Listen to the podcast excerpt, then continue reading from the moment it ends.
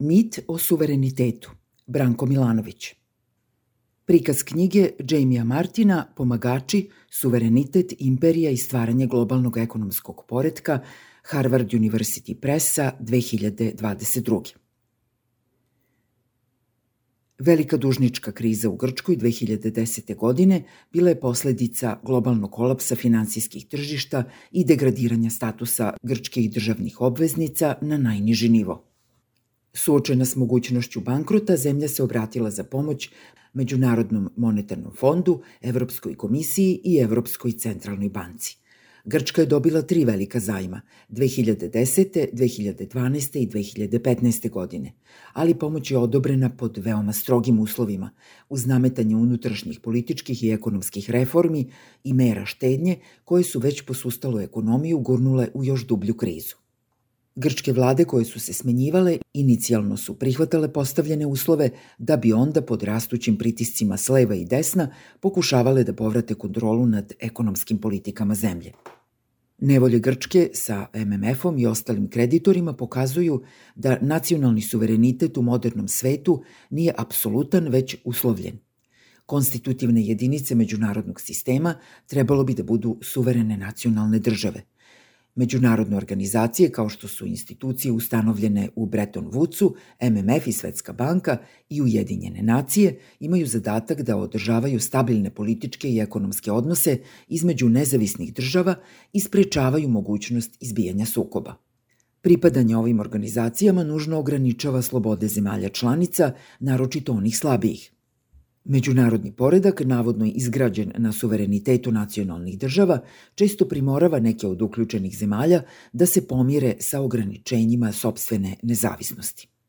U svojoj knjizi Pomagači, istoričar Jamie Martin prati evoluciju modernog međunarodnog ekonomskog poredka u decenijama pre uspona MMF-a i Svetske banke.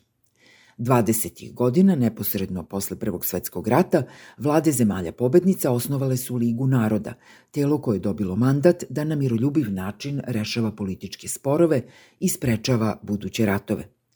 Liga je takođe trebalo da pomogne zemljama koje se nađu u nevolji, ekonomskim savetima i pružanjem implicitnih garancija zajmodavcima da će zajmovi biti naplaćeni.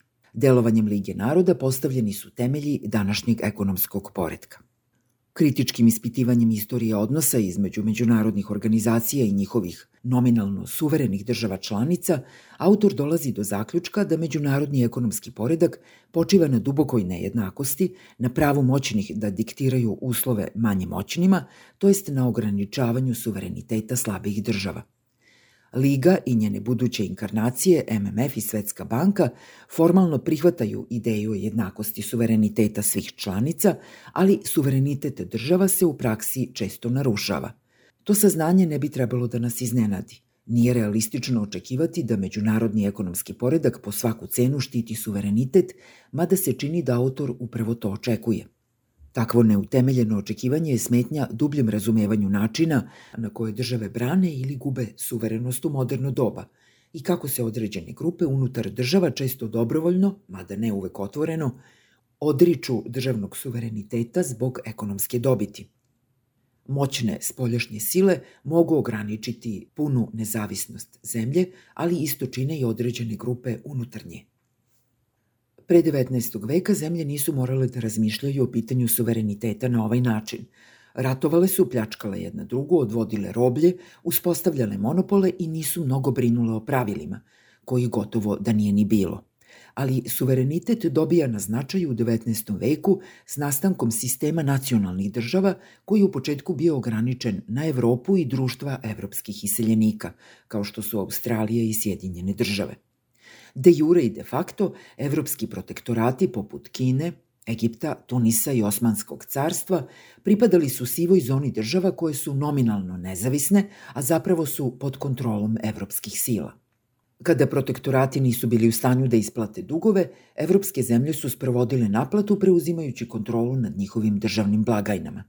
One protektorate koji su odbijali da trguju, evropske države su silom primoravale da otvore svoje luke. Velika Britanija je to uradila u Kini u dva opijumska rata u 19. veku. Britanske, francuske i španske trupe su se zajedno iskrcale u Meksiko 1861. da naplate dugove od nastajuće Meksičke republike. Nemačka, Italija i Velika Britanija držale su Venecuelu pod pomorskom blokadom 1902. i 3. nakon što je predsednik zemlje odbio da im vrati dugove. Topovska diplomatija je vodila do topovske prinudne naplate. Odnosi su se promenili s Prvim svetskim ratom – Martinova knjiga počinje prepričavanjem istorije rata kada su saveznici pregovarali o koordinaciji pristupa sirovinama potrebnim za ratni napor, kao što su žito iz Argentine, nitrati iz Čilea i kalaj iz Malaje. Koordinisali su i transport hrane, vodeći računa da civilno stanovništvo u Francuskoj, Italiji i Britaniji ne gladuje. Takvo planiranje je zahtevalo od zemalja učesnica da se odreknu dela ekonomskog suvereniteta u ime zajedničke koristi, na primer zajedničkim licitiranjem prilikom nabavki sirovina iz inostranstva da bi se ograničila cena. To je opteretilo odnose između državne uprave i privatnog sektora u savezničkim zemljama i dovelo do prvih pokušaja državnog ekonomskog planiranja u Nemačkoj i savezničkim zemljama. Takav način koordinacije značajno je proširen osnivanjem Lige naroda koja je inicijalno imala 42 članice, uključujući zemlje iz Južne Amerike, Azije, Kina i Japan, pa i nekoliko iz Afrike. Liga se uključila u rešavanje problema koji su mučili mnoge od zemalja članica u periodu posle rata. Slala im je ekonomske savetnike koji su kontrolisali državnu potrošnju i stabilizovali hiperinflaciju u delovima nekadašnjeg Austro-Ugarskog carstva – Poslužila je kao forum za debatu o ratnim reparacijama koje duguje Nemačka. Liga je pokušala da podstakne ekonomski razvoj na jugu Evrope, dajući male zajmove grčkim izbeglicama koji su u jednoj od razmena stanovništva uobičajenih u periodu posle rata napustili Tursku. Moć Lige višestruko je nadmašivala domete nekadašnjih bilateralnih i multilateralnih ekonomskih sporazuma. Članice Lige dobrovoljno su se uključile u međunarodnu organizaciju koja je mogla da im ograniči ekonomski suverenitet u određenim situacijama, na primer ako nisu u stanju da servisiraju dugove ili vode ekonomiju na adekvatan način. Liga je, tvrdi Martin, ustanovila pravila i procedure koje se danas podrazumevaju i ugrađene su u politike MMF-a i Svetske banke. Obe institucije osnovane su 1944. Mnoge zemlje prihvataju redovan nadzor od strane MMF-a kroz takozvane konsultacije po članu 4, a ako pozajmljuju sredstva od MMF-a, fond postavlja uslove u pogledu unutrašnjih ekonomskih i socijalnih politika kojima im ograničava suverenitet. Liga je uvela novi oblik spoljašnjeg mešanja u unutrašnje stvari, znatno subtilniji od svih prethodnih, koji Martin opisuje kao neželjeno mešanje imperije u unutrašnje poslove polusuverenih zemalja. U zamenu za pomoć u obezbeđivanju zajmova, zajmoprimci su morali da pristanu na nadzor Lige u vođenju ekonomije. Martin opisuje kako je to funkcionisalo u slučaju Albanije i Austrije u periodu od 1922. do 24. zatim u Grčkoj 25. i manje uspešno u Kini 30. godina.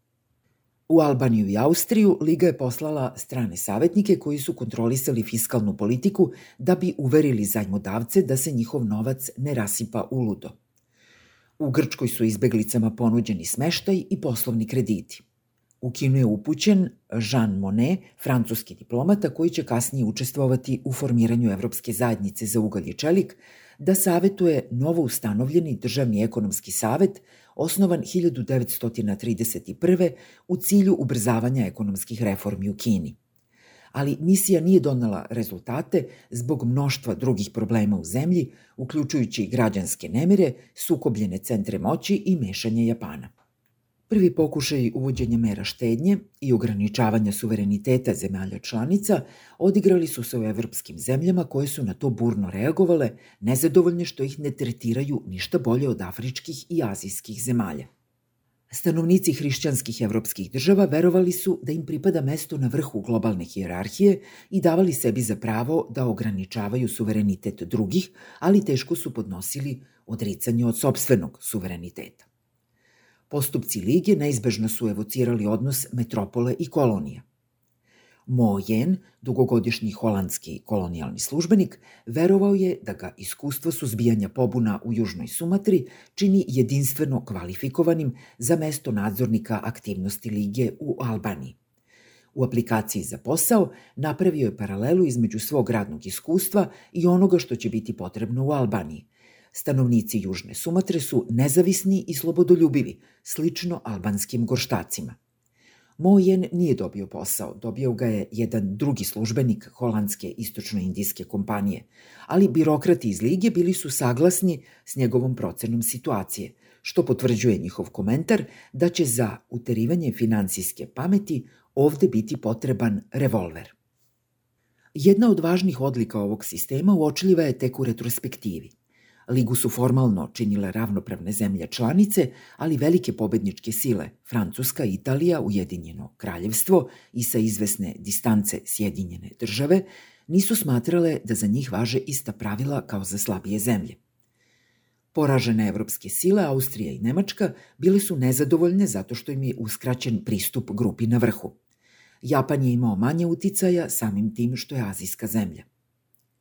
Na dnu hijerarhije nalazile su se afričke zemlje i kolonije. Slična hijerarhija postoji i danas. Bezbroj autora je pisalo o devalvacijama funte 67. i 76. po nalogu MMF-a. Te epizode su privukle ogromnu pažnju upravo zato što je i dan danas teško zamisliti mešanje MMF-a u ekonomske politike velike zapadne sile. Kada iste ili mnogo stroža ograničenja MMF nameće Argentini ili Nigeriji, to gotovo niko i ne komentariše – osim kroz kurtozne izraze žaljenja zbog teškoća zemalja na takozvanom globalnom jugu i zabrinutosti zapadnih prestonica, hoće li dužnici uspeti da namire zajmodavce. Martin pokazuje da je u ono vreme, kao i danas, zemlja koja se najviše opirala odricanju od bilo kog dela suvereniteta bila Amerika. Sjedinjene države, uprkos zalaganju predsednika Woodrowa Wilsona, nisu ušle u Ligu naroda. Amerika nije želela da snosi troškove multilateralizma i ograničava moć svojih privatnih kompanija, da rizikuje uvlačenje u neke nove ratove i nada sve da deli suverenitet s drugima.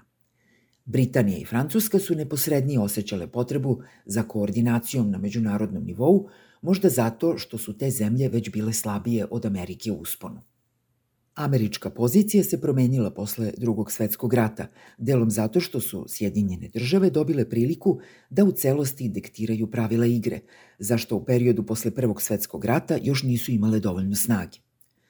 U poslednjem delu knjige autor forenzički pretresa pregovore vođene između saveznika 44. i 45. u Bretton Woodsu i Dumberton Oaksu okončane osnivanjem MMF-a i Svetske banke, čime su postavljeni temelji posleratnog globalnog ekonomskog poredka. Martin istražuje razilaženje između glavnih protagonista. Sjedinjenih država, koje je zastupao Harry Dexter White, službenik Ministarstva financija i Velike Britanije koju je predstavljao John Maynard Keynes. Glavna tačka razilaženja bilo je pitanje o tome kako će zemlje pristupati fondovima MMF-a koje su najvećim delom obezbeđivale Sjedinjene države.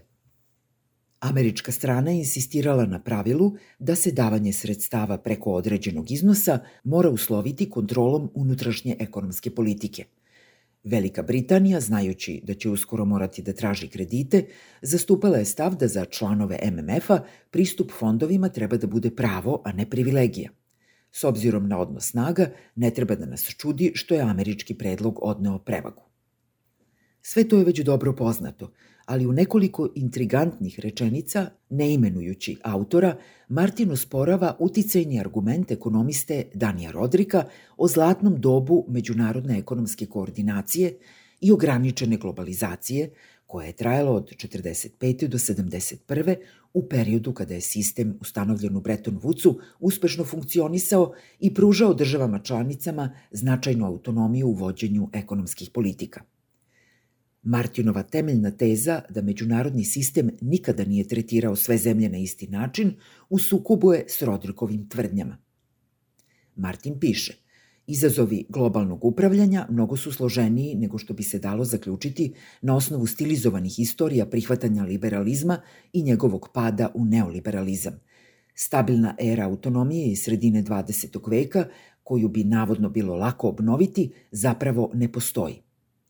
Takođe, on kaže, zlatnog doba nacionalne autonomije i jednakosti država posle 45. nije bilo. Martin ne razvija argument do kraja, ali reklo bi se da osporava tvrdnje da neoliberalna era koju su uveli britanska premijerka Margaret Thatcher i američki predsednik Ronald Reagan predstavlja odstupanje od takozvanog zlatnog doba koje ju je prethodilo. Autor veruje da je uvek postojala hijerarhija u međunarodnim ekonomskim odnosima. Ideja da odnosi između moćnih i manje moćnih ekonomija u decenijama posle drugog svetskog rata nisu bili određeni pre svega njihovim hijerarhijskim pozicijama, samo je iluzija – ideološka fasada koja je bila potrebna u periodu hladnog rata da bi se zapadni blok prikazao kao skup ravnopravnih država. Martin naglašava da je ravnopravnost uvek bila iluzija. Nijedan međunarodni poredak u istoriji nije zemljama članicama dopuštao da u potpunosti sačuvaju suverenitet. Hermetička izolovanost zemalja je svakako redkost – čak i u isključivo ekonomskom kontekstu, svet uzajamne zavisnosti briše jasne razlike između sfera domaćeg i stranog. Na primer, efekti antiinflacijskih politika Paula Volkera, šefa federalnih rezervi 80. godina, nisu bili ograničeni na domaću ekonomiju. Podizanje kamatnih stopa u Americi proizvelo je dalekosežne posledice u zaduženim zemljama, od Brazila i Meksika do Poljske i Rumunije. Mere koje danas primenjuju federalne rezerve imaće slične posledice po mnoge ekonomije u razvoju. Kina postavlja niz uslova za pristupanje kineskom tržištu, između ostalog i transfer tehnologije. Takve ekonomske politike ne mogu se opisati kao samo unutrašnje. Dugotrajni trgovinski deficiti ili suficiti nisu problem samo onih zemalja uključenih u te procese – Ako Kina i Nemačka imaju velike trgovinske suficite, neke druge zemlje moraju biti u deficitu koji mogu smanjiti jedino depresijacijom svoje valute. Često je nemoguće na uverljiv način podeliti domaću i međunarodnu sferu. Kritikovanje načina na koje moćnije zemlje koriste stečene prednosti, kao što Martin čini, samo je beleženje hronike neizbežnog i očiglednog. Međunarodna organizacija kao što je MMF ne treba da teži ostvarivanju pune jednakosti između članica, već realističnijem cilju smanjivanja postojećih nejednakosti. To može činiti, na primer, tako što će uzimati u obzir socijalne probleme u zemljama zajmoprimcima i odobravati im duže periode prilagođavanja. Na primer, može zahtevati da određene subvencije budu ukinute u roku od 10, a ne u roku od 3 godine. Može se uzdržati od prekomerne financijalizacije ekonomije, podsticanjem privatizacije penzionog i obrazovnog sistema koja često pogoduje samo bogatima i ne donosi korist nižoj i srednjoj klasi.